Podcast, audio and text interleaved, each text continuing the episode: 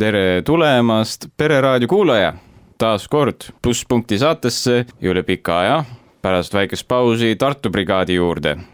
viimane kord Laura Jõgar heldelt asendas meid, kui meil oli siin väike koroonapuhang meil siin omavahel, selle tõttu me eelmine kuu ei saanud teile mingeid asju tuua, aga see, mis eelmine kuu oli plaanis, tuleb täna. ehk siis mitte millegist teie ilma ei ole jäänud ja siin me oleme tagasi taas kord, mina olen Artur Sirk, teie kümblustünnide tootja ja ise hakanud mõtleja ja minuga on siin, selgituseks, see on Arturi töökoht. Mina toodan kümblustünne nüüd, just, ja minuga on siin pooldoktor Reedi, Raul-Villem Reedi. väga meeldiv, tere. meiega täna siin stuudios on proua Elis Sams, tervist, tere, tervist. Ja täna siis, mis meil on plaanis, on rääkida, oi, meil on väga palju, millest rääkida, aga see Elis Sams on meil väga hea sõber ja inimene, kes on moega üsnagi palju kokku puutunud oma elu jooksul, nagu te kohe ka kuulete ja just. Elis, sa oled meil, on ju, sa õpid statistikat, aga Just see see ei ole olnud sinu alatine eluplaan, see oli pigem üsna pöördeline hetk. Aga alustamegi sellest, et. oota, aga t- selles mõttes, et ütleme ikkagi kuulajale teema ka, et täna me tahame rääkida jaa, maitsekusest, me tahame rääkida moest ja kõigega sellega seonduvast, et alustame sellisest rohkem, et kes meil üldse külas on, mis tema. Just. lugu on, siis me lähme edasi sellise teoloogilise poole peale võib-olla ehk natukene miks meil üldse on riided, miks kõik selline vaimulik sellega seonduv ja filosoofiline sellega seonduv ja siis me lõpetame sellest, et kuidas me lähtume riietusele ja maitsekusele üldse, et kui ongi üks kaheteistaastane või noh, ütleme kuueteistaastane hästi vormis poiss, kes kannab rannas hästi palju maikasi ja on kristlikust perest ja õudselt tahaks talle öelda, et kuule, kuule kata end, et siis kuidas sellele praktiliselt läheneda. selline Just. on plaan põhimõtteliselt. just, aga miks me oleme kutsunud Elise siia, Elis, räägi, kes sa oled, kust sa tuled ja mis on sinu kokkupuude moemaailmaga? tere, ma olen Elis, ma olen pärit Tallinnast ja tõesti, ma olen alati kunstiga tegelenud, lapsest saati, muidugi mitte moega kohe, aga pigem joonistamisega, et mu esimene ala oli portreejoonistus. Ja kui ma olin kaheteistaastane, siis ma läksin juhuslikult Kullosse oma kunstiringi, kus õpetati õmblemist, disainimist ja ma olin siis põhikoolis see hetk ja juhtus niimoodi, et ma tegin äh, oma maalinäituse Rocca al Mare koolis, kus ma siis see hetk käisin ja täiesti inimestele kuidagi tundus meeldivalt, mis ma teen. Ja tuli klassiaega mõte teha oma kollektsioon ja Rocca al Mare koolis oli see hetk võistlus, mis oli siis Roosad käärid ja see võistlus oli selline väga glamuurne moeshow nagu oli noortele, kes sai näidata oma disainimisoskust, tõmblemisoskust, kohale kutsuti väga prestiižne žürii ja Eesti mõistes vähemalt. Eesti mõistes vähemalt jah. ja mõtlesime, et lähme siis oma klassiaega võistlema sinna. me tegime selle kollektsiooni väga ruttu valmis ja see oli siis nüüd Juhtus- moedisain on ju riided. just. Disain, disainisime valmis enda kollektsiooni, seal oli see hetk vist viis komplekti. Ja meie limiteeritud oskustega kuidagi asju valmis õmmelda saime selle valmis tehtud. Ja läksime lavale. Ise tegelikult mitte midagi väga oodates, aga tuleb välja, et žüriile väga meie kollektsioon meeldis, saime sellest esimese koha mm., publika auhinna. Ja mina ja Marta klassiõde, kellega ma tegin seda kollektsiooni, olime noorimad osalejad sellel võistlusel ja sellest siis algas minu pisik äh, moemaailmas, et mulle tundus lihtsalt moega tegelemine, disainimine niivõrd loomulik tegevus, et kuidagi tundsin, et ma olen nagu kalavees seal, ma teadsin, mis inimesele meeldib, ma teadsin, kuidas disainida asju hästi, kuidas olla nii-öelda originaalne ja kuidas mitte minna liiga üle piiri, liiga mitte alla sa piiri sa oled oma sõpradele paar päris ilusat lõpukleiti ka disaininud ja valmis teinud, et jah, tõepoolest. kõigi huvitav on see, et ma, ma vägagi naudin rohkem seda disainiprotsessi kui õmblemist, et õmblemine on vägagi detailne ja väga vaevarikas töö minu jaoks, kuna ma olen rohkem selline suure pildi inimene ja visionäär rohkem. aga edasi minnes, ma olin Rocca al Mare koolis ja ma olin gümnaasiumis ja gümnaasiumis tuleb teha uurimistöö. Ma tegin uurimistöö ka, kui ma olin põhikoolis ja mõtlesin, et seekord võiks siis teha loomingulise töö, mis oli lubatud teha. Ja ütleme nii, ma läksin ikkagi nagu väga suureks selle tööga, et ma tahtsin võistlema minna siis kaks tuhat kaheksateist aasta kevadel ja mitte ainult enda kooli oma, oma võistlusele, vaid kõikidele võistlustele, mis üldse saab minna Eestisse ma hakkasin sellega pihta see oli, see oli mo moeloomingus jätkuvalt, eks? just, moeloomingus, et ma hakkasin pihta septembris äh, kaks tuhat, äh, kaks tuhat seitseteist siis, kui ma olin üksteist klass alguses ja hakkasin erinevaid nii-öelda ideid nagu mõtlema, hästi palju tegema internetis noh, research'i erinevate moevoolude kohta, minu enda inspiratsiooniallikate kohta. ja ma tegin kõik kangad ise, ma sain äh, võimaluse teha need ise kuidagi inimeste abiga ja, ja ma tegin selle üksinda seekord, mitte siis oma klassiajaga. Ja ma läksin võistlema siis noh, umbes pool aastat hiljem, alustasin jaanuarist, läksin siis enda kooli võistlusele ja see oli seekord palju suurem võistlus kui varem. juhtus niimoodi, et sain jälle esimese koha. Ja läksin siis veel kolmele Eesti võistlusele. Ja võitsin kõigis esimese koha. Ja see hetk sain aru, et okei okay,, võib-olla, võib-olla minu tee ongi siis moemaailmas, kui ma mm -hmm. seda oskan teha nii hästi või vähemalt tundus see hetk, et ma, et mul on selles, ma olen oma sõiduvees moemaailmas. mis kollektsioon see täpselt siis oli, et see niiviisi konkursse vallutas äh,? selle nimi oli, on, oli äh, Confec, ta oli äh, alguses kuuest komplektist koosnev kollektsioon.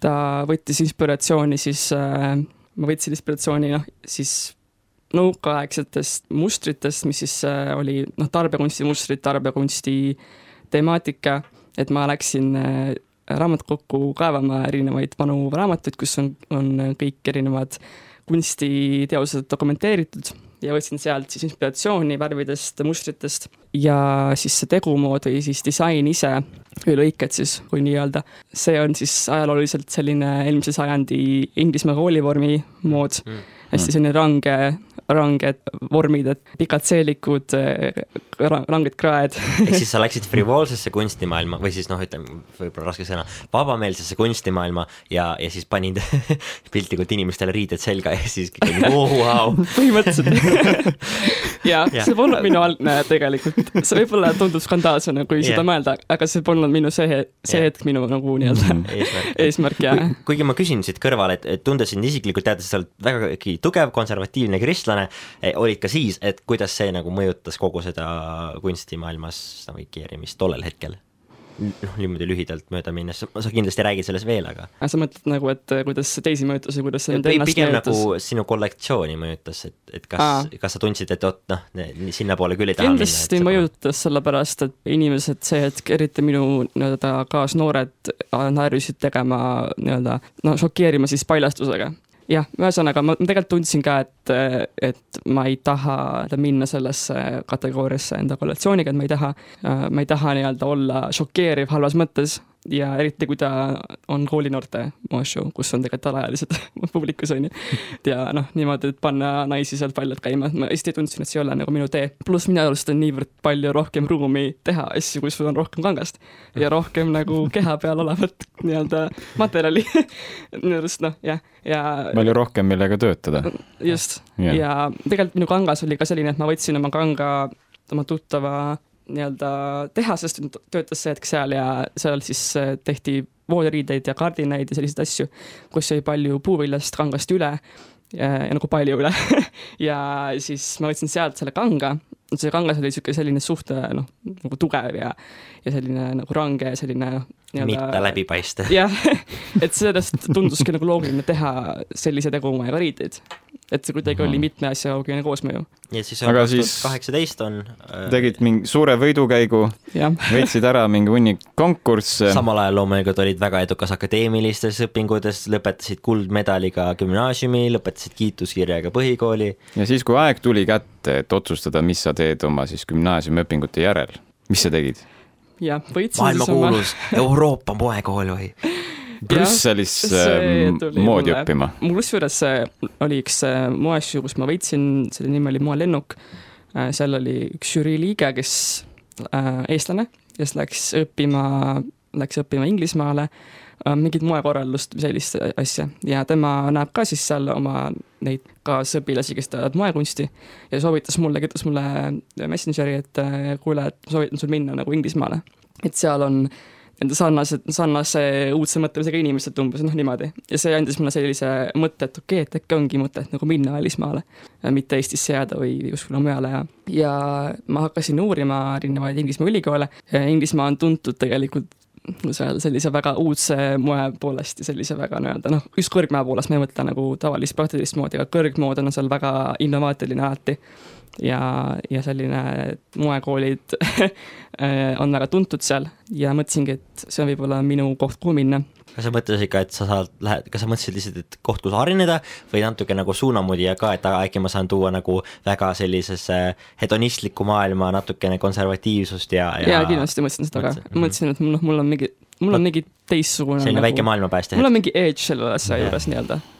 ja isegi mitte nagu isekalt mõeldes, aga noh, tundsin ka, et, et võib-olla ma saan midagi teha, noh, see oli minu esmane mõte selline maailma, maailmapäästjalik mõte natukene mm. võib-olla, aga ma tegelikult mõtlesingi, et ma lähen nagu maailmasse, ma lähen noh, kunsti pealinnadesse, hakkan seal tööd tegema ja noh, olengi nagu korralik moekunstnik, on ju. Mhm. et töötangi moekunstnikuna, see oli minu see hetkne nii-öelda mõte.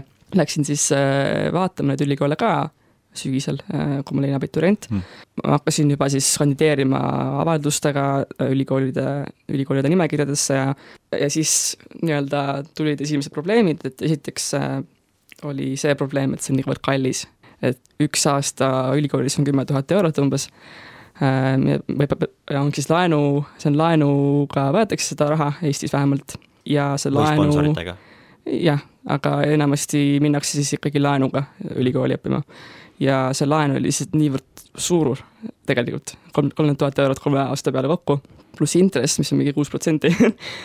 Noh, et, et tegelikult see laen on niisugune huvitav, et, et see lõpeb vist ära kolmekümne aasta pärast, on ju, aga ikkagi sa maksad, kui sa nii-öelda teenid üle mingi lävendi palka, siis sa pead hakkama seda laenu tagasi maksma. ja ma ei leidnud ühtegi inimest enda ringkonnas, kes on seda tagasi maksmas hetkel kõik, kes mulle seda laenu ütlesid, et võtta see laen, siis need, nad polnud veel hakanud seda tagasi maksma. ja minu isa minu isa ütles, et see ei ole hea mõte. noh mm -hmm., et seal on väga palju punaseid lippe, sul on alati parem olla mitte laenukohuslane kui olla laenukohuslane ja et noh, et, et see nii-öelda siis sa tegelikult oled kohuslane, kuni, kuni sa oled viiekümne aastane.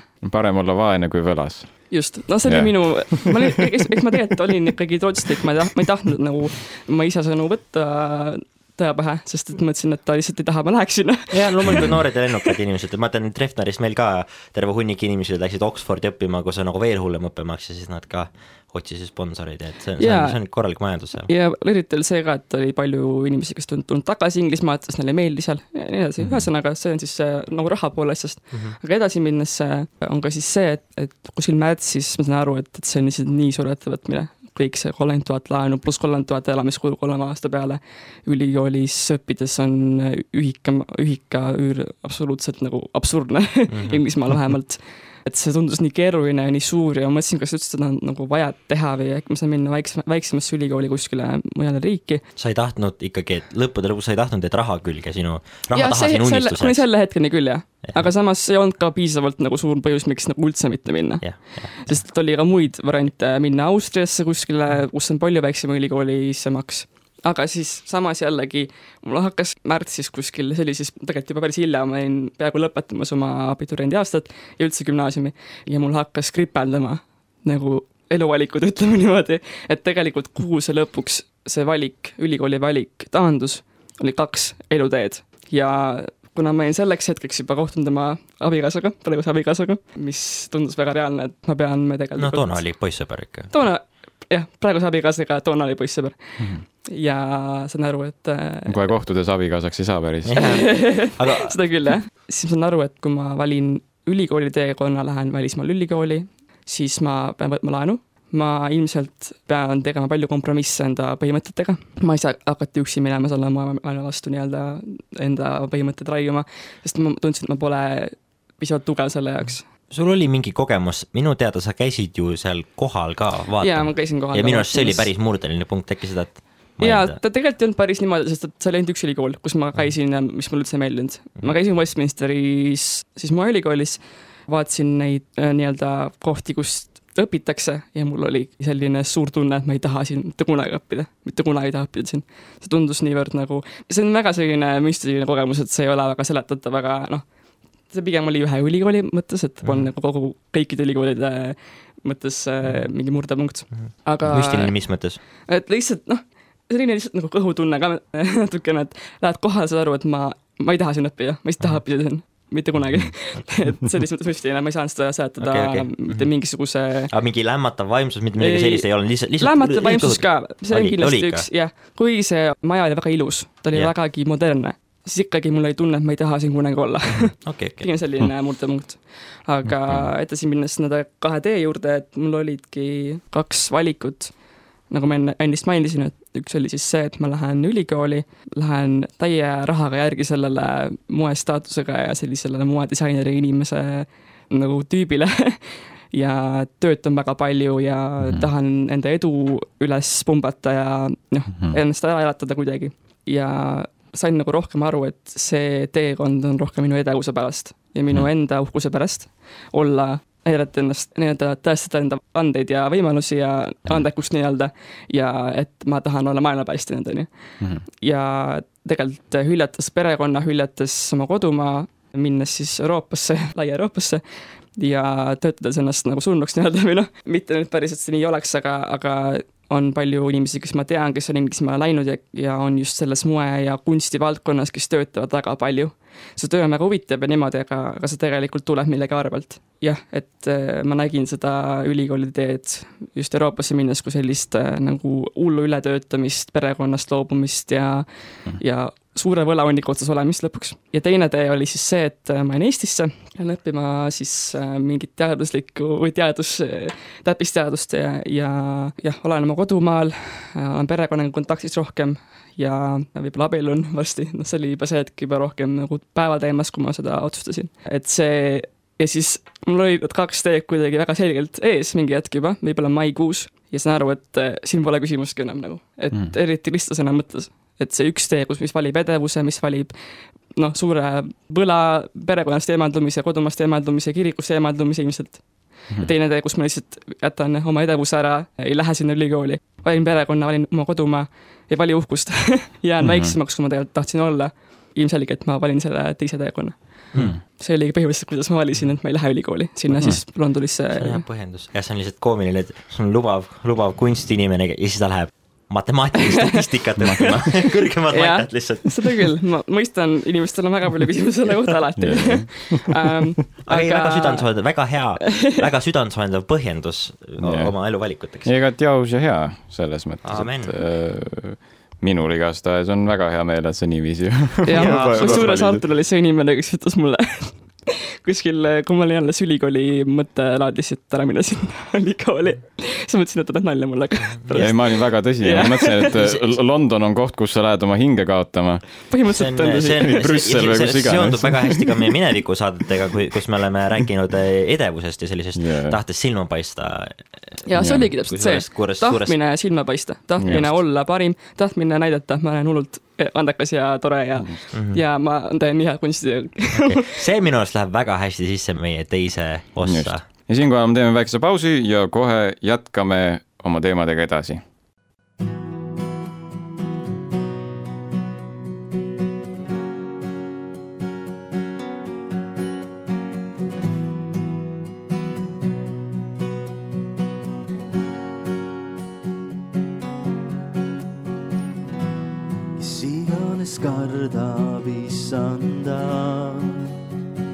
Seda ta õpetab teele, mis tuleb valida.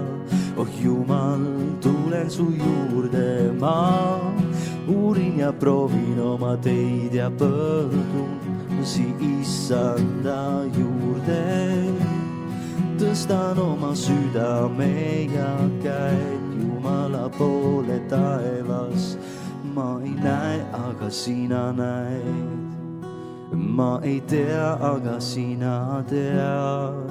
sellepärast otsin esmalt ma su kuningriiki sind usaldan.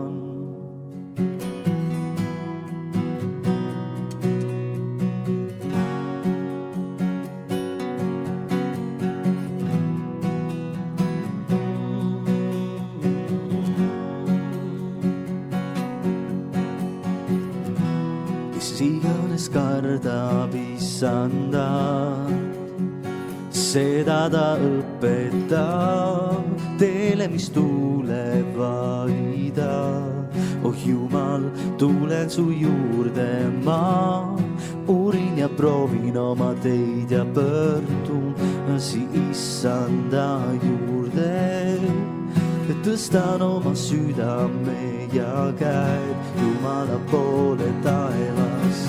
ma ei näe, aga sina näed. Ma ei tea, aga sina tead, sellepärast otsin esmalt ma. Su kuningriiki sind usaldan. ma ei näe, aga sina näed, ma ei tea, aga sina tead, sellepärast otsin esmalt ma. Su kuningriiki sind usaldan, sind usaldan, sind usaldan, sind usaldan, sind usaldan ja sind ma usaldan, et sulle alistan ja kõik, mis on mu sees, sind ülistab. ma tänan selle eest, et käia võin su teel, ükskõik mis seisab ees, su auks vaid elab. sind ma usaldan, et sulle alistan ja kõik, mis on mu sees, sind ülistab. ma tänan selle eest, et käia võin teel, ükskõik mis seisab ees, su auks vaid elab.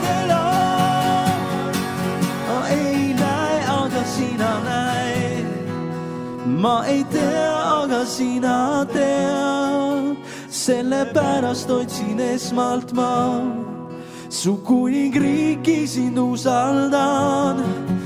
ma ei näe, aga sina näed. ma ei tea, aga sina tead, sellepärast otsin esmalt ma su kuningriiki sind usaldan, usaldan, sind usaldan, sind usaldan, sind usaldan.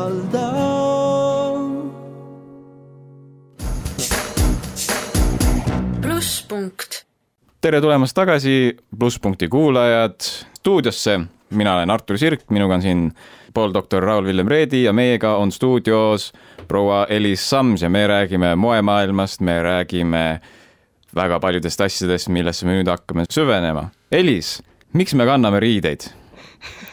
üldse hea? küsimus. noh, kui me mõtleme nüüd piibli perspektiivist, siis äh, alustame algusest. kõik teame, kuidas kõigepealt lõid Jumal maa ja okei okay.. kõigepealt lõi jumal maa ja taeva ja loodi ka Adam Eeva. Aga ma läheks kohe sinna lõpupoole, kus Adam, Adam ja Eeva teevad pattu, tunnevad ennast alasti ja lähevad peitma põõsasse ja jumal käib äh, päeva ilus ringi ja hüüab Adamat ja Adam ütles, et ta peidab ennast, peitis ennast ära, sest ta on alasti. ja siis jumal äh, ütleb talle, et aga kes sulle ütles, et sa alasti oled või kas sa oled söönud sellest viljast, mis ma ütlesin, et ära söö sellest puuviljast. ja siis äh, jumal äh, teeb neile nah-, nahast äh, katted nende, nende alasti oleku katmiseks. ja siit ongi noh, kohe näha, et, et tunti oma keha ja alasti oleku üle häbi, kui tehti pattu. ja ja ma mitte, mitte ainult, mitte ainult Aadam ja Eeva ei tulnud häbi, vaid Jumal ka ütles teile, et teil on, mida häbeneda ja ma teen Mhm. teile riideid, et see on nagu jumalapoolne kinnitus ka sinna kui juurde. jumal, jah, jumal tegi neile ise teed riided, onju. Mhm. ja sellest ajast peale on ju kantud riideid. Vaat pole, kas kliima on piisavalt sobiv või mitte. ja eks ta olegi, riietus on paljuski meie häbi katmiseks äh, ja meie nii-öelda keha katmiseks ja meie nii-öelda osade katmiseks nii-öelda, et me käits-, oleksime siis praegu selles langenud maailmas nii-öelda, käiksime ringi väärikalt teiste inimeste ees ja enda ees. ja täpselt, miks see häbi tuli patuga, seda me ei tea tegelikult täpselt, on ju, aga lihtsalt ta ongi võib-olla karistus, patu tagajärg. me nagu tajume, et me oleme tegelikult Jumala ees jah, süüdlased. me tajume, et midagi ei ole õigesti. Mhm. et see osadus ei saa olla vahetu, see ei saa olla siiras, et me peame kuidagi mingi osa ennast mm. -hmm. varjama. midagi et meist on nagu, häbiväärset et. suuta kuidagi ikkagi normaalselt suhelda omavahel Jah. siiski. jah, jah, et muidu see oleks et niivõrd nagu nii-öelda jah, väga, väga raske oleks juba rääkida inimestega niimoodi otse, kui noh, näed kõike mm, -hmm. mis, mis neil on. aga jaa, et eks riietusel on ka palju muid aspekte, aga kristlikus vaatepunktis kindlasti jah, põhiline on see häbi katmine mm. -hmm. ent siiski on kultuure maailmas -hmm. need on väga suur, nagu ma ei saa rõhutada, kui väike vähemus, aga mingid Aafrika hõimud, Amazonase hõimud, kes ei kanna riideid üldse mm. -hmm no mingi vöökoha katavad ära vahepeal. jah, et võib-olla ülakeha on paljas täiesti, on ju, et jah, ei, kindlasti ja. on neid, eks ka Vana-Kreeka ajal oli ju väga, vägagi nii-öelda kultuurne või noh, nii-öelda tehti alasti figuure ja see oli nii-öelda noh. paljad mehed oli teema, paljad naised millegipärast oli häbiväärne, aga paljad mehed olid väga okei okay. jah, kuigi tehti ka naistest ju neid skulptuure on ju, et see, et see oli nagu kuidagi aga olümpiamängudel paljas naine oli tabu. ja et oligi nagu selline noh. võib-olla ma eksin teistsugune noh, ideaal on ju see, et ka ikkagi jah, kui me räägime nendest, ma ei tea, väikestest hõimudest on ju äh,, ega ma täpselt ei tea aga äh, aga võib ka olla, et on ju, et nende jaoks äh, ütleme, et kui naisel näiteks ülakeda hästi paljas on ju äh,, et see võib-olla on ka see, et nende kultuuris ei ole nagu võib-olla niivõrd suur asi, kui meil on, mhm. kuigi noh, ikkagi ma eeldan, et et see häbitunne on ikkagi universaalne, on ju. no sa saunas me mõistame aafriklasi selles mõttes. seda küll, see eestlane on aga see on väga konkreetne, on ju, sotsiaalne kontekst. me käime rahvusvahelises kus... koguduses ja meie kogudusega üldse ei mõista näiteks ameeriklased ja jaapanlased ja, ja kuigi osadel me oleme aidanud mõista. osad neist on tulnud sauna meiega ja saad aru, et ah, tegelikult on okay, okei okay,. Te olete väga imelikud, aga hästi see on päris tore ja enamasti käib naist ikkagi ju mehed mehed, mehed ja naised, naised, naised, et selles mõttes mingit segamist. segamist ei ole, on ju. minu, minul on endal üks hüpotees, mis teie arvate sellest? minul on üks tuttav, nimet-, loomulikult ilmselgelt nimetamata, äh, kes on olnud nüüd enam mitte, ta on suures kasvanud, aga ta oli ränk naistemees. selles mõttes, et ta nagu äh, läks ühe neiu juurde, äh, ehitas ta ülesse, nii-öelda läks temaga suhtesse, kuidas ma ütlen nüüd, saame aru. Äh, ja, ja siis ma rääkisin temaga, me saime nagu enne, kui ta selliseks läks, väga hästi läbi ja ma olin mingi, nagu kas sa saad aru, kui nagu halb ja kahjulik see on ja siis ma ütlesin, loomulikult ma saan aru, et see on nagu väga halb ja, ja nagu selles mõttes, et ma olen paras kaabakas äh, li-, pehmelt öeldes. ja siis ma ütlesin, aga miks sa siis seda teed ja siis ta ütles, et noh, mul nagu, ma tean, et see on vale, aga mulle meeldib see, et nagu, et mind ei, mind ei heiduta see, et ma tean, et see on vale, sest et see on tore mm. -hmm. ja siis mul on mõte ka, et, et võib-olla sellised nagu mm, mm mittekatvad ja sellele häbile nagu vastu astuvad eh, normid kultuuris võib-olla tulevad mingist asjast, mis on meile veel kallim kui see häbi, et nagu me tunneme häbi, me teame, et see on vale mm, -hmm. keegi ei ütle, see ei ole vale, aga, aga me saame, on midagi kolmandat, mis paneb meid ütlema, et aga meil on suva, et see häbiväärne on mm. -hmm. ja eks, mis te arvate? eks nagu kindlasti, eks patt on nagunii, et häbi mm -hmm. oma häbi avaldamist, see on tegelikult loogiline mingis mm -hmm. mõttes, aga ma arvan, et kui ütleme, et inimene saab kristlaseks, on ju ja ta varem oli vägagi paljastav või ta käitus nii, nagu ülejäänud peal käitusid.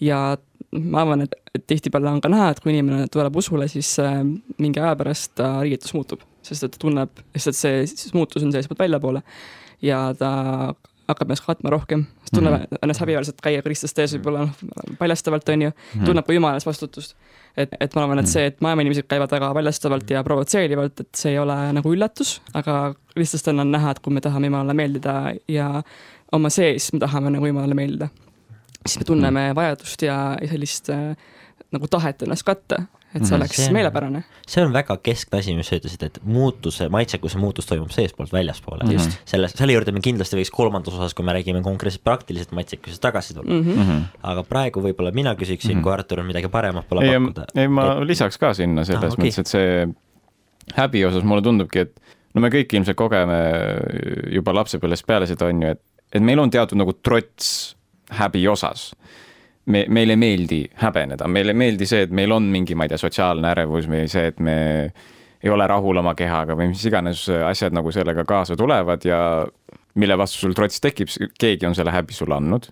keegi, kellegi poole sa vaatad üles ja saad aru, et noh, sul on midagi häbeneda tema ees ja ma arvan, et jumala ees me, inimene tihti tunnebki sellist trotsi, et miks ma pean häbenema. miks ma ei või lihtsalt elada nii, nagu ma soovin, miks ma ei või olla sellest häbist nagu vaba ja ühelt poolt see on, on ju hea asi. no häbi ei ole asi, mis peaks olema selles mõttes nagu ideaalses inimeses. kui me taevas lõpuks oleme, ma usun, et seal ei ole häbi enam. no pattu ei ole. aga siin me oleme, meil on endiselt patt. ja ma arvan, et sealt sellest samast esimese Moose raamatu loost kuva, kuvandub see ikka välja, et on ju, kui Aadam ja Eeva tegid pattu, esimene reaktsioon oli ennast ära katta ja tegid endale ise ka nendest, mis iganes Lehtedest. lehtedest tegid, on ju, endale mingid riided ennast kuidagi ära katta. ja selle asemel, et jumal tuleks ja ütleks nagu, et ei, ei, ma annan teile andeks, et, et äh, olge, olge alesti edasi, et kõik on hästi. ta ütles, et jah, tõepoolest, aga ma annan teile paremad riided. ja ma arvan, et see peegeldub selles mõttes, no sellesse, kuidas üldse Jumal meid temaga lepitab. et on ju, kui me saame kristlaseks, kui me võtame Kristuse vastu ja saame tema lasteks usu kaudu, mis ta annab meile, ongi Kristuse nagu selle nii-öelda puhta valge rüü, sellise nii-öelda. et ei ole see, et ütleb nagu, et okei okay,, nii, ma võtan, kuidas öelda, ma võtan ära teie häbi, vaid rohkem, et ta katab see on, see on huvitav, kuidas selles lihtsas justkui. teos tegelikult on kogu evangeelium sees, te olete häbiväärsed, teid on vaja katta, selline nagu Jah. selline ekslik pool, selline patune pool, samal ajal te ei saa ennast katta, ma saan ainult teid katta ja Jah. jumal nagu räägib sellest, juba, juba natuke kuulutab ette Kristuse, Kristuse Just. lunastust. ma katan kinni teie patud ja sellisel viisil, nagu meil on väga hea riiete teoloogia kristlastena, me ei mõtle selle peale, on ju, aga selles mõttes, et kui me riietume, see on isegi imelik nagu võib-olla niiviisi öelda ja seda ei tasu selles mõttes nagu üle paisutada, selles mõttes, aga teatud viisil me kuulutame evangeeliumi, kui me riietumegi Väärikalt. väärikalt. Me mingil määral ütlemegi, et, et mul on, mida häbeneda. aga, ja ma teadvustan seda, ma saan aru, et ma olen patune Jumala ees ning et ma vajan tema armu. mul on vaja, et minu häbi, minu patt, minu süü kaetakse ära. ja ja see tekitab mingit teatavat väärikust ja kohtleme enda, ennast austusega, mis tuleb juttu see, et me oleme Jumala näolised. just mm, -hmm. jah, ma arvan ka, et äh, kui vaadata ka, mida Paulus ütleb, et naised olgu väärikalt riides ja olgu, eriti just naistele ütleb seda, et olge noh, käituge väärikalt ja riietage ennast ja ärge, ärge ehitage ennast välispidise palmitsemisega ja millega iganes. see on kindlasti vägagi tänapäeval väga eriti vastumeelne kirjakoht, eriti Mhm. maailma inimestele, sest et kui tähele panete, siis ka maailmas on selline trend hetkel, et et ma ei tea, käige nii-öelda, kuidas tahate riides, midagi pole häbeneda, kõik see body positivity, mis on Ameerikast on alguse saanud ja ja, ja ärge kartke, et, et ärge katke midagi enda iseloomust ära, ärge katke, noh, et, et kõik peab olema nagu nii-öelda loomulik. nähtav. ja, ja kristlikus elus on vastupidi, me peame katma ennast riietuse mõttes ära, me peame talitsema oma keelt, peame katma tegelikult ja käituma nii-öelda, käituma väärikalt ja see tegelikult eeldab nagu mingite osade ärakatmist. me ei saa suust pilduda, mida me tahame pilduda suust, ilma Mhm. filtrita, on ju. samamoodi, et äh, me ei saa ka muude asjadega, me peame nagu nii-öelda ennast tagasi hoidma ja ennast Mhm. katma, et meie patusus ei saaks nagu tulla täies mahus välja Mhm. ja see ongi nagu mitte ainult riietuse mõttes, siis riietus on vägagi nähtav ja, ja silmanähtav mm, -hmm. silmnähtav asi, mida inimesest näha. aga ta käib, tegelikult ta käib iga kristliku aspekti suhtes, et see ei ole vooruslik, kui sa ilma filtrita teed igasuguseid asju, mis tuleb su südamest välja. sest südames, süda ei ole tegelikult Jumala ees õige ja on petlik jah, Mhm. mm, -hmm. nagu ütleb õpetussõnad. Et seda, noh, et see on väga vastupidine tänapäevasele mõtteviisile. ja Mm, mm, kindlasti eksitab paljusid inimesi ka, et, et okei okay,, et aga vist ongi nagu hea siis ilma filtrita panna ja olla mina ise nii-öelda. jah. Mhm. mis tegelikult ei ole üldsegi piibellik, piibellik nii-öelda vaatepunkt. Mhm. ehk siis loomulikult mõni võib-olla võib seda kuulda ja mõelda, et kristlane peabki mingil määral olema selline veidike nagu kahepalgeline. Et ta seestpoolt on nagu üks asi, aga siis on okei okay,, aga proovime võimalikult luua sellise kuvandi, et ma olen tegelikult midagi nagu palju paremat, aga loomulikult see ei ole see, mis meie ütleme. vaid ma arvan, Just. me ikkagi pigem Mhm. räägime siin nagu mingisugusest püüdlusest olla midagi parem Jah, ikkagi lõpuks jah. see on nagu, et no ma saan aru, kes ma loomulikult olen, ma saan aru, ma, ma vaatan endale peeglisse, ma tean, mis mõtted mul on ju öösi, öösiti peast läbi käivad, enne kui ma magama lähen. ma, ma tean, mis ma pihin, ma tean, mis ma nagu patte mul igasugu südametunnistusel on, ma saan väga hästi aru. Aga ma tahan kuhugi kõrgemale ikkagi püüelda, ma ei taha jääda selleks, kes ma olen, ma tahan ikkagi kuidagiviisi oma eluga Ja- ja- midagi paremat ja terviklikkuse huvides olgu öeldud, et saab vägagi olla edev ka nii-öelda maitsekas püüdes olla, selline variserlikkus, kus me lihtsalt tahame olla väga äh, kinni kaetud, sest siis me tunneme, et me oleme kuidagi moraalselt paremad teistest või, või katame ennast kinni väga uhkete riietega mm -hmm. äh, taotluslikult, et see, et see on nagu loomulik südamehoiak, et seda võib-olla väljaspoolt ongi väga raske näha, aga lihtsalt mm -hmm. terviklikkuse huvides ma saan, ütlen ka, et selle maitseka riietumisstiiliga võib omada halba südametunnistust mm -hmm. ka ja halba sellist hoiakut. jah mm -hmm., sellega tahtsingi seda lisada veel juurde, et kui inimene, noh, et just selline tagasihoidlikkus inglise keeles modesty, et see ei tähenda seda otseselt maitsekus eesti jah, keeles. maitsekus jah, et mm. -hmm. et äh, see tähendab põhimõtteliselt seda, et sa ei ole edev. edevus tähendab seda, et sa üritad olla siis välja paista Jah., olla hästi iseloomukas, võib-olla Mhm. näidata ennast inimestele nii-öelda kuidagi väga, kuidas iganes Jah. sa tahad näidata.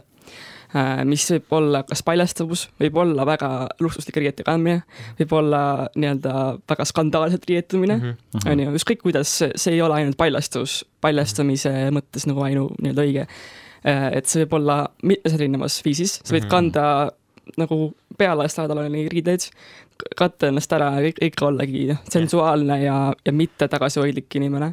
et see ikkagi noh, inimestel lihtsalt tänapäeval on ka see, et, et, et tahetakse olla selline hästi iseloomupärane ja omamoodi selline nii-öelda selline teistsugune teistest ja siis minnaksegi nii-öelda minu arust, isegi kui sa katad ennast täiesti kinni mm., ollagi noh, nii-öelda käituda ja olla nii, et ma tahan olla teistest erinev, ma tahan olla eriline jah, ja edev ja võib-olla sa ei ütle seda, et sa oled edev eh, suust välja, aga sa ikkagi südames tahad olla nii-öelda teistest parem, võib-olla näha yeah., näha teistest nagu parem välja ja mitte olla nii-öelda hall mass. jah, aga räägime natuke edevusest tõesti, see läheb väga hästi kokku kogu selle teoloogilise pondiga, mis me oleme mm. rääkinud. inimene, no ütleme, paat on ju fundamentaalselt, inimene peab jumalast midagi olulisemaks, meil oli osadus jumalaga, ent hea ja kurja vili tundus mm. meile ihaldavam, ihaldusväärsem kui jumal mm, -hmm. nii et sellest me võtsime. terve elu tegelikult on ju, on see lugu sellest, kuidas, kuidas midagi oli iha, ihaldusväärsem meile kui ju- jumala tahe.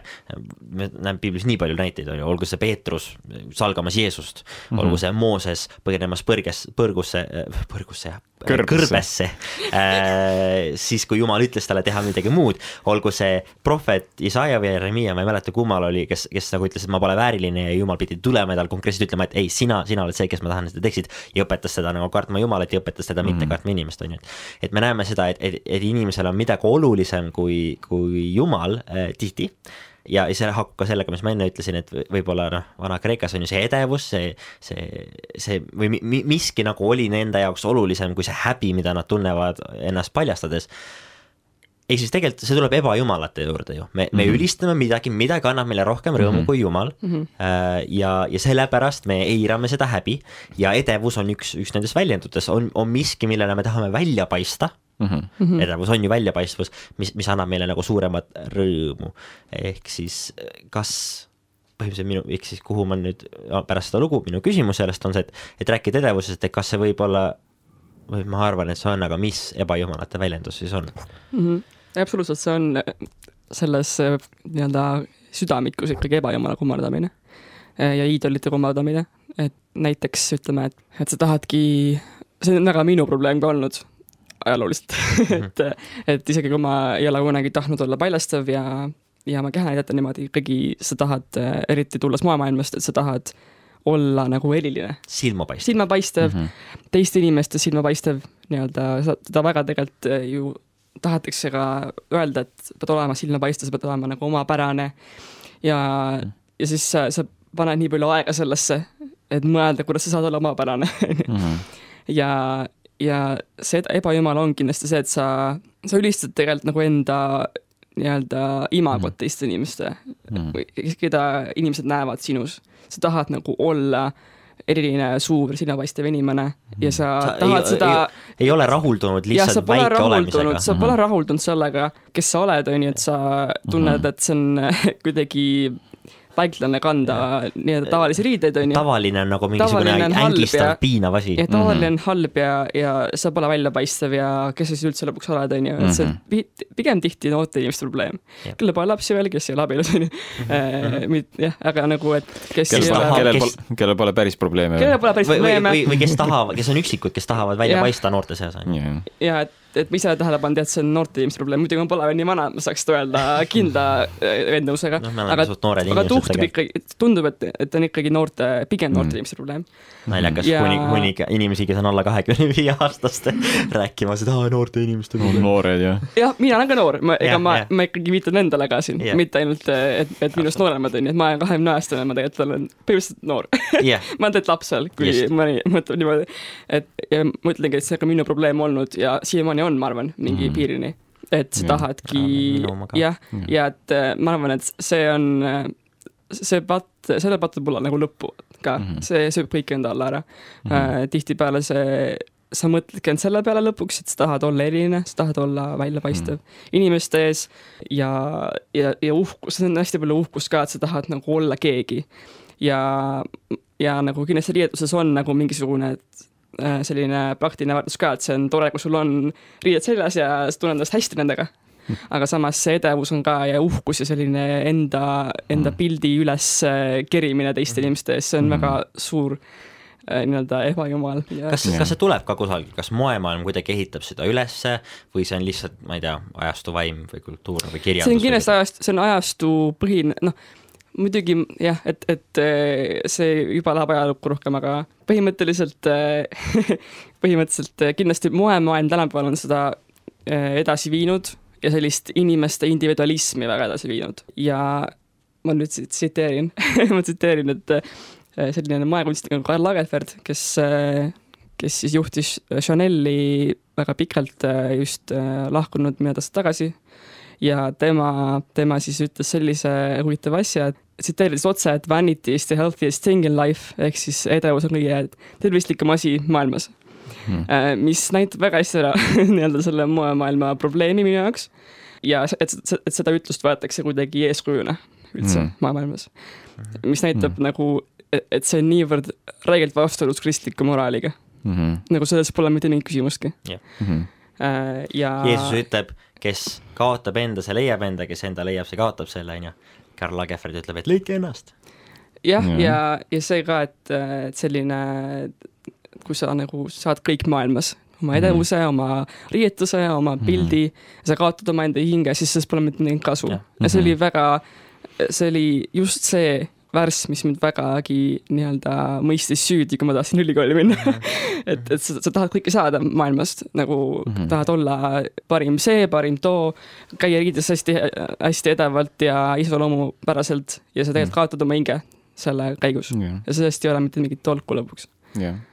ja see, see edevus selles mõttes, noh, ta on ju ütleb, et edevus on kõige tervislikum asi maailmas, ma no nii palju, kui mina olen, on ju oma vanustega suhelnud ja isegi endast nagu veidike vanemad, noorematega, ja no gümnaasiumiajas ma mäletan vestluseid ja põhikoolis ka, siis minu mäletamist mööda ja nii palju, kui ma olen näinud, siis sellisest nagu vaimse tervise perspektiivist, et mulle näibki justkui, et kõige edevamad inimesed, need, kes üritavad kõige rohkem silma paista, kõige rohkem tähelepanu tõmmata, kõige rohkem nii-öelda erilised olla, on need, kes on just kõige ärevamad, kõige ja. Rohkem piinlevad sellise häbi ja nagu süütunde all, kõige rohkem tunnevad ennast kuidagi, ma ei tea, kas survestatult või, või kannatajatena.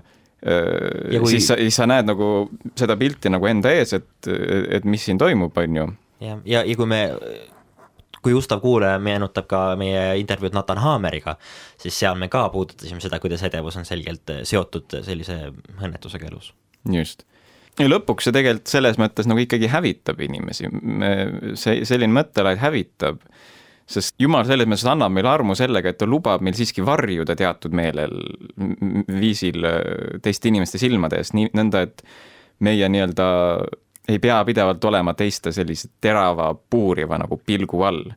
sest on ju, kui sa, on ju, riietudki normaalselt ja väärikalt, keegi ei märkagi sind selles mõttes. Mm kui sa kõnnid kuskil tänaval või mis iganes me ei märka sind. üleliigselt ei märka, no keegi, no äkki su sõber märkab sind, on ju, tunneb ära ja nii edasi, no lõpuks näo järgi tunneb ära. või kui sa oled mingi erilist pikkust või lühikust, siis ka. jah, aga üleüldse nii suur rahu on selles, mida Jumal ütleb ka ma arvan, et edevuse ja sellise väljapaistmise varanduse sellise asja kohta, et just lugesin seda üleeile, et õpetussõnades on see, et parem pisut issanda kartuses kui suur varandus ja rahutus selle juures ja see võib-olla räägib rohkem rikkusest ja niimoodi, aga kui sa, kui sul on nii-öelda, sa üritad nagu äh, olla silmapaistev ja see toob kaasa rahutuse ja sellise nii-öelda suure pinge nagu olla kogu aeg keegi ja kogu aeg riietuda mingit moodi ja olla edev ja olla nii ja, ja naa. ja see tegelikult toob kaasa kindlasti mingis mõttes varandus, et sa oled äh, silmapaistev, sa oled võib-olla austatud mingis Jah. mõttes äh, ja see toob ka mingit teatud tulu sulle. Äh, ja sa tunned ennast võib-olla vahepeal väga hästi, et sa oled Mhm. väga äh, omapärane, Mhm. aga samas lõpuks äh, see, selle varandusega tuleb kaasa rahutus. Ja Jumal ütleb selle kohta, et parem on pisut Jumala kartuses. jah, ja äh, olgem ausad, kristlane mõistab ju, et tema endised viisid, need ei olnud head mm. -hmm. see on nagu, see on nagu laps, kes saab aru, et kui ta paneb käe pliidile, siis on kuum, see põletab ta nahka, see on väga halb ja valus mm. -hmm. ja nüüd ta parandab meelt, ta enam ei pane kätt pliidile, samamoodi kristlane mõistes, et tema endised maailmalikud teed ei olnud head, nüüd ta tahab elada nii nagu Kristus on mm -hmm. öelnud, on ju, see pole nagu reegel, et ah, ma pean Kristuse reegleid ilmtingimata nui neljas jälgima, vaid see on mõistmine, et Kristuse reeglid on head. see mm -hmm. pole nagu see, et aa, ma tahaks nii väga, ma saaks kätt panna pliidile, aga ma ei taha, ei, Kristus ütleb sulle, et pliit on kuum, ära tee. see mm -hmm. pole nagu mingisugune sunnimeelsus, see on, see on uus loodu ja mm, -hmm. ja mulle seostub Elise jutuga kohe väga selgelt teise korintlaste viies kaks, kaks salmi, viisteist. ja Kristus on surnud kõikide eest, et elavakt ei elaks enam enestele, vaid temale, kes on nende eest surnud mm -hmm. ja üles äratatud ja kaks salmi hiljem, kaheksateistkümnendas, ei vabandust, seitsmeteistkümnendas, niisiis kui keegi on Kristuses, siis ta on uusloodu, vana on möödunud, vaata, uus on sündinud mm. -hmm. et, et me noh, see, me peaksimegi, kristlased ongi fundamentaalselt teistsugused ja mm, -hmm. eriti kristlasena peaks ka teistmoodi käituma mm. -hmm. ja siis ma küsiski sinult, Elis, et kuidas praktiliselt riietuda jah, ma arvan, et äh, enne kui me hakkame tänapäevasest riietusest rääkima üldse, mida me kanname, et siis võiks natuke ajalugu ka vaadata, et, et näha, mis erinevused on tänapäeva ja, ja ajaloo vahel muidugi ajalugu on palju igal, igal pool, aga äh, üldse nagu võib-olla läänemaailma ajaloost, et, et äh, kunagi noh, kanti rohkem aluspesu tänapäeva kannasse riideid, esiteks. Äh, teiseks on see, et, et naised kandsid väga sarnast moodi riideid. näiteks võtame kuskil kaheksateist sajand algus võib-olla, tööline naine, tema kandis väga kandis siis korseti, noh, selle kohta öeldakse stay inglise keeles, ma isegi ei tea, kuidas eesti keeles on ähm,. aga sinu keha ei olnud näha tegelikult alt kui sa olid paks, sa olid peenike, sa olid äh, ükskõik milline, et sinu kehakujutused ei ole nagu, see ei olnud väga esiplanis kunagi. Oli... nii palju kihti riideid oli peal? riided, lihtsalt riided oli nii palju kihte, sul oli kaks kihti aluspesu, kolm kihti päevriided peal, onju. muidugi see oli ka praktiline, et sul oli vaja soe, sul oli vaja olla nagu pidevalt äh, soojas riietuses, et sul on maja külm, onju ja niimoodi, aga see tõi selle nii-öelda nagu mõtterahu, et sinu keha on nagu riietuste all ja keegi ei näe su keha, peale su abikaasa võib-olla, onju, naisena ja sest siis riietus oli väga vormiv, see riietus oligi nii-öelda ühe vormiga ja kõik käisidki samasuguste, samasuguse vormiga. muidugi see vorm muutus, kuidas mo mood muutus äh,, aga ka see, et, et kunagi mõtleme, et okei okay,, et kui sa oled väga vaene, on ju, mis sa siis tegid äh,? ja et kas sa siis kandsid nagu mingeid räbalaid või kuidas sellega on, on ju. tegelikult, kui sa olid vaene töölisklass, sa ikkagi kandsid äh, riideid, mis on väga korralikud äh, sa said võib-olla oma emanda riid endale, aga sul oli oluline olla nii-öelda osa ühiskonnast. et sa üritasid olla piisavalt ühiskonna sarnane, käia riides nagu ülejäänud käivad riides et mitte elu eest välja paista, elu eest mitte välja paista.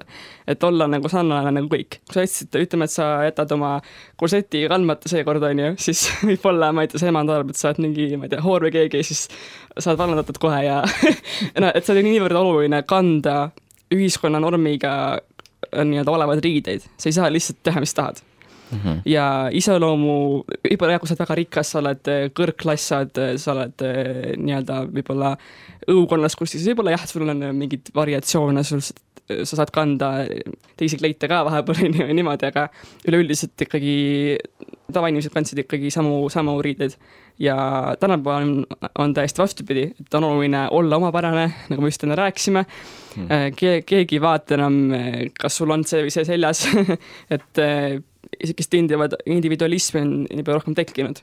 see tekitab rohkem ka nii-öelda probleeme, sest et nüüd on päevakorras see, et kas sa oled paks, kas sa oled peenike, mis su keha, kuidas su keha välja näeb. kõik on tulnud päevakorda.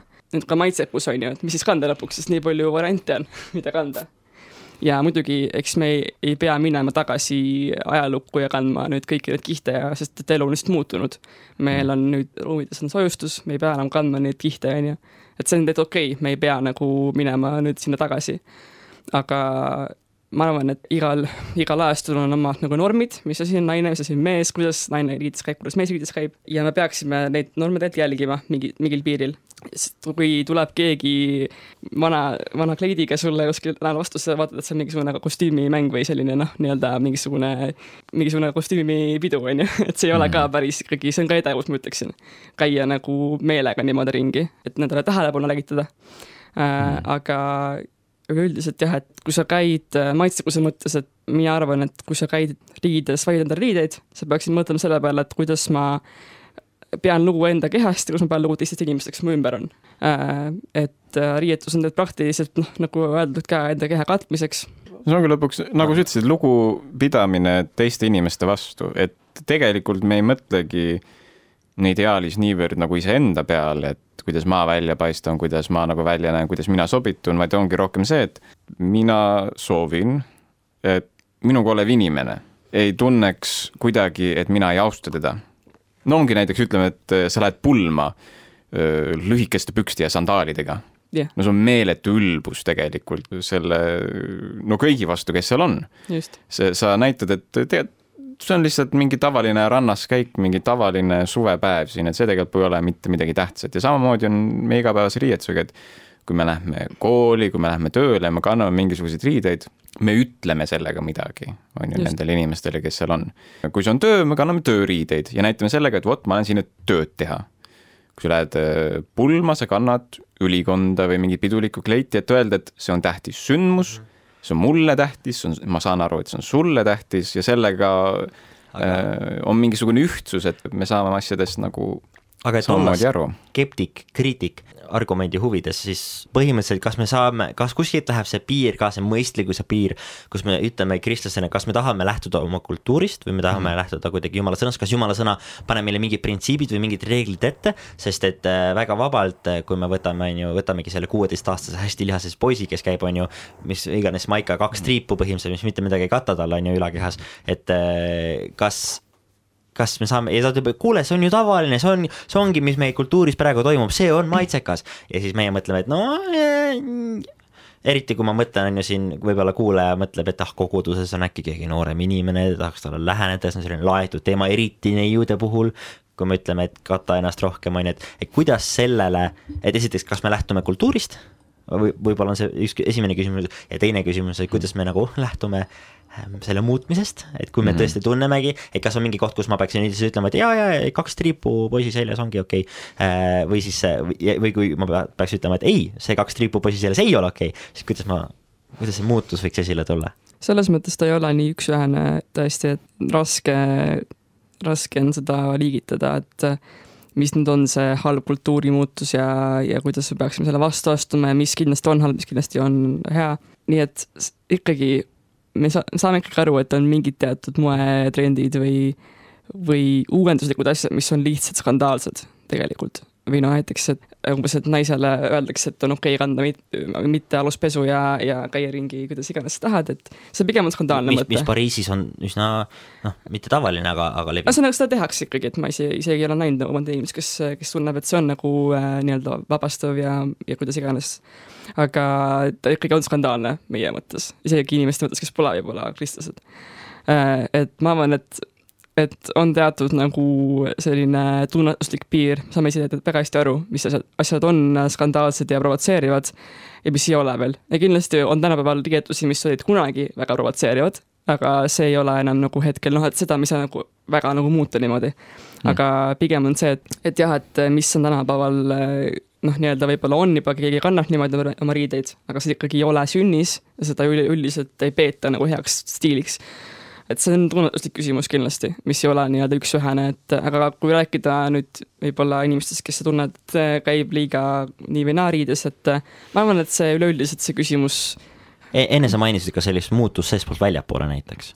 jah, ühelt poolt kindlasti see, et no ma jõuan sinna kohe, aga põhimõtteliselt see on nagu iga teise asjaga, mis on nagu võib-olla patune, et kui keegi valetab väga palju või ikka väga ebamugav rääkida minna sellest, et kuule, ma näen, et, et see on võib-olla valesti ja, ja kuidas sellega saab tegeleda, et see on igal juhul ebamugav rääkida. vahet ei ole nagu ka teiste patumustritega, et see ei ole lihtne. aga kui me räägime nüüd noh, riietusest, muidugi on väljapaistvam kui valetamine või mingisugune sõltuvus, sest see on nii-öelda selline nagu valus pöial kuskil, kuskil nagu nii-öelda näha, aga siiski tulebki seda mõista, et, et ei saa minna kohe lajatama sellega kellegi mm -hmm. näkku, on ju. et enamasti tuleb mingi ajaga, kui see inimene on kirikus, ta tunneb huvi Jumala vastu, tunneb äh, ja ta võib-olla see tuleb usule, siis tihtipeale ongi see, et see ei juhtu kohe see juhtubki mõne aja pärast, et äh, ma arvan, et pigem ongi probleem selles, et keegi võib-olla käib natuke liiga põlestavad riides, mitte täiesti paljud riides on ju, pigem on ikka see probleem, mitte, mitte nagu avaliku korra rikkumine mm. -hmm. aga ma pigem mõtlesin jah, koguduse et kontekstis kui keegi käib võib-olla natuke liiga noh, erinevad riides on ju, et, et, et enamasti siis ma, mina arvan, et see paraneb mingi ajaga, kui inimene tõesti tuleb usule ja näeb, et see ei ole nagu hea, et sa saad Mhm. nagu armu anda ja nagu oodata ähm,. aga Mhm. samamoodi, kui äh, ütleme, et asi läheb üle- üle piiri mingi hetk või keegi tunneb ebamugavust, et samamoodi tuleb võtta inimene nagu üks-ühele ette ja rääkida okei, rahulikult, rahulikult ja, ja mõistvalt mm -hmm. ja küsida küsimusi ja mitte ajatada näkku talle samamoodi nagu teiste patumustritega. nii et sina ütlesid mitte suruda peale sellist ilmtingimata, et tee nii väljaspoolt pidiselt, vaid lasta inimesel seespidiselt muutuda.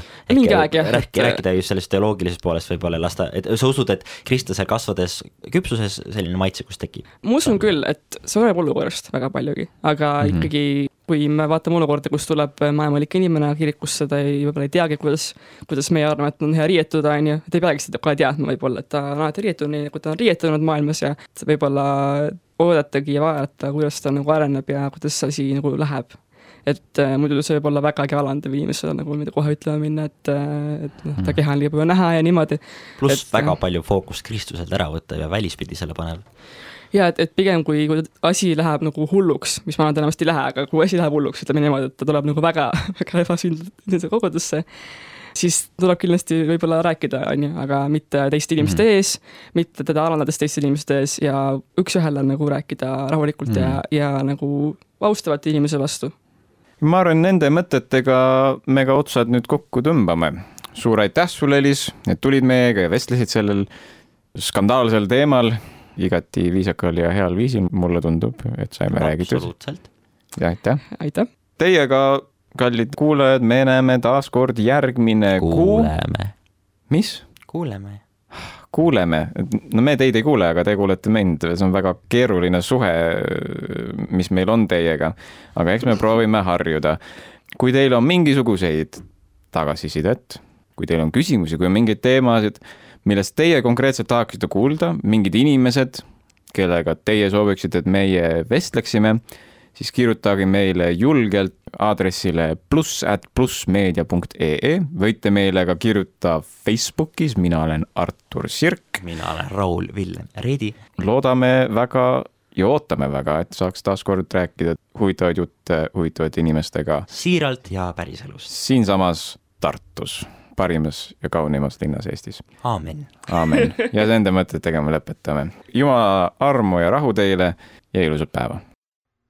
All creatures of our God and King, lift up your voice and with us sing. Alleluia, Alleluia. Thou burning sun with golden beam, thou silver moon with softer gleam. Oh, praise him, oh, praise him. Alleluia, Alleluia,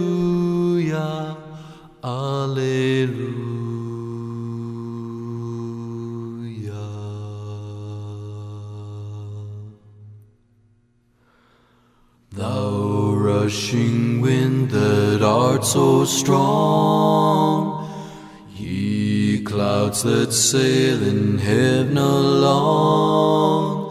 Oh, praise him, Alleluia. Thou rising morning, praise rejoice. Lights of evening, find a voice. Oh, praise him, oh, praise him. Alleluia, Alleluia,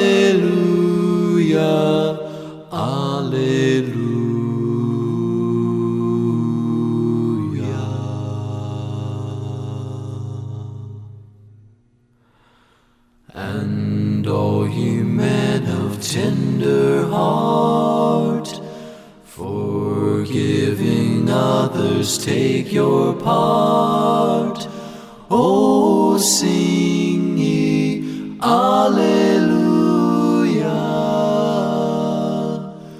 Ye who long pain and sorrow bear, praise God and on Him cast your care. Oh, praise Him. Oh, Alleluia, Alleluia, Alleluia.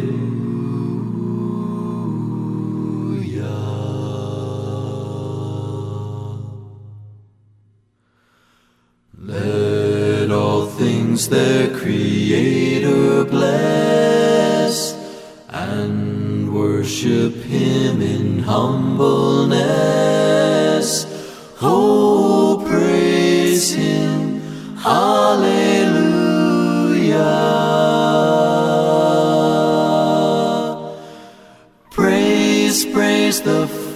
Father, praise the Son, and praise the Spirit, three in one.